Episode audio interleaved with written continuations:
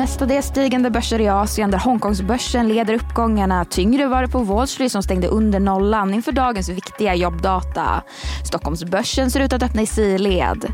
Det är fredag den 4 augusti. Du lyssnar på DI Morgonkoll och jag heter Sofie Gräsberg.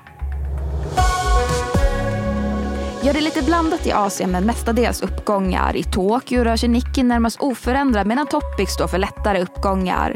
I Japan backar bland annat jättarna Nintendo och Yamaha dryga 2 Muntrare ser ut på andra sidan det japanska havet. I fastlandskina stiger både tekniktunga tjänsten och breda Shanghai-börsen omkring en halv procent. Det sa tidigare idag en representant från landets centralbank att policyåtgärder behöver användas flexibelt och att stödet till landets banker ska öka för att få igång ekonomin.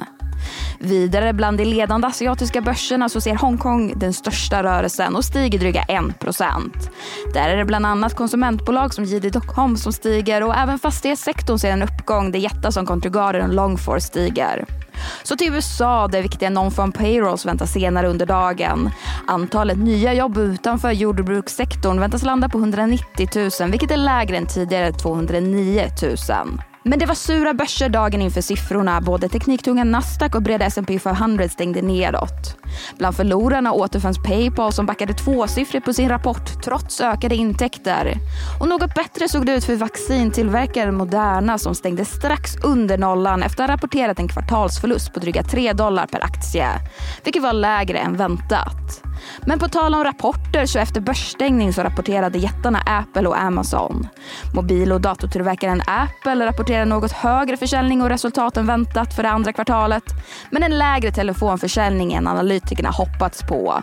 Något som fick aktierna backa i efterhanden. E-handelsjätten Amazon däremot rusade över 8% i efterhanden efter en oväntat stark kvartalsrapport med mer optimistisk prognos än analytikerna räknat med. Bland annat så bolaget en tvåsiffrig tillväxt för molntjänster segmentet. Så kan nämnas att orderingången av tunga lastbilar i Nordamerika ökade i juli. Det är med en uppgång på 45 procent jämfört med samma månad förra året. Säsongsjusterat var ökningen mer försiktiga 5,5 procent. Sveriges och Catena Media har ingått ett avtal om att sälja sin sportbettingsvarumärken i Storbritannien och Australien för 6 miljoner euro. Köpare är brittiska Moneta Communications.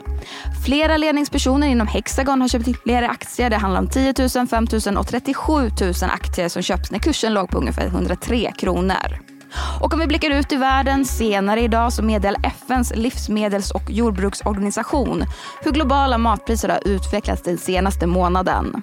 Sedan toppen i mars 2022 har matpriserna fallit med 23 procent. Och så får vi bättre koll på den europeiska konsumenten när siffror för detaljhandeln kommer. Den senaste detaljhandelsstatistiken visar 2,9% lägre försäljning på årsbasis. Och väntat denna gång, ja, det är fortsatt nedgång. Men det var allt för den här nyhetsuppdateringen. Det är Morgonkollet tillbaka igen på måndag. Jag heter Sofie Gräsberg.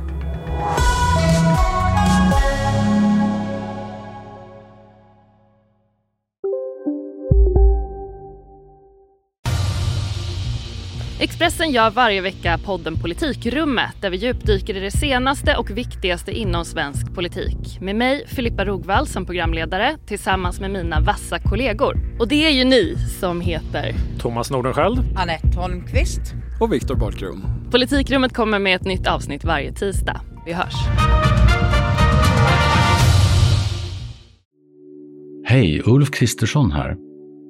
På många sätt är det en mörk tid vi lever i. Men nu tar vi ett stort steg för att göra Sverige till en tryggare och säkrare plats.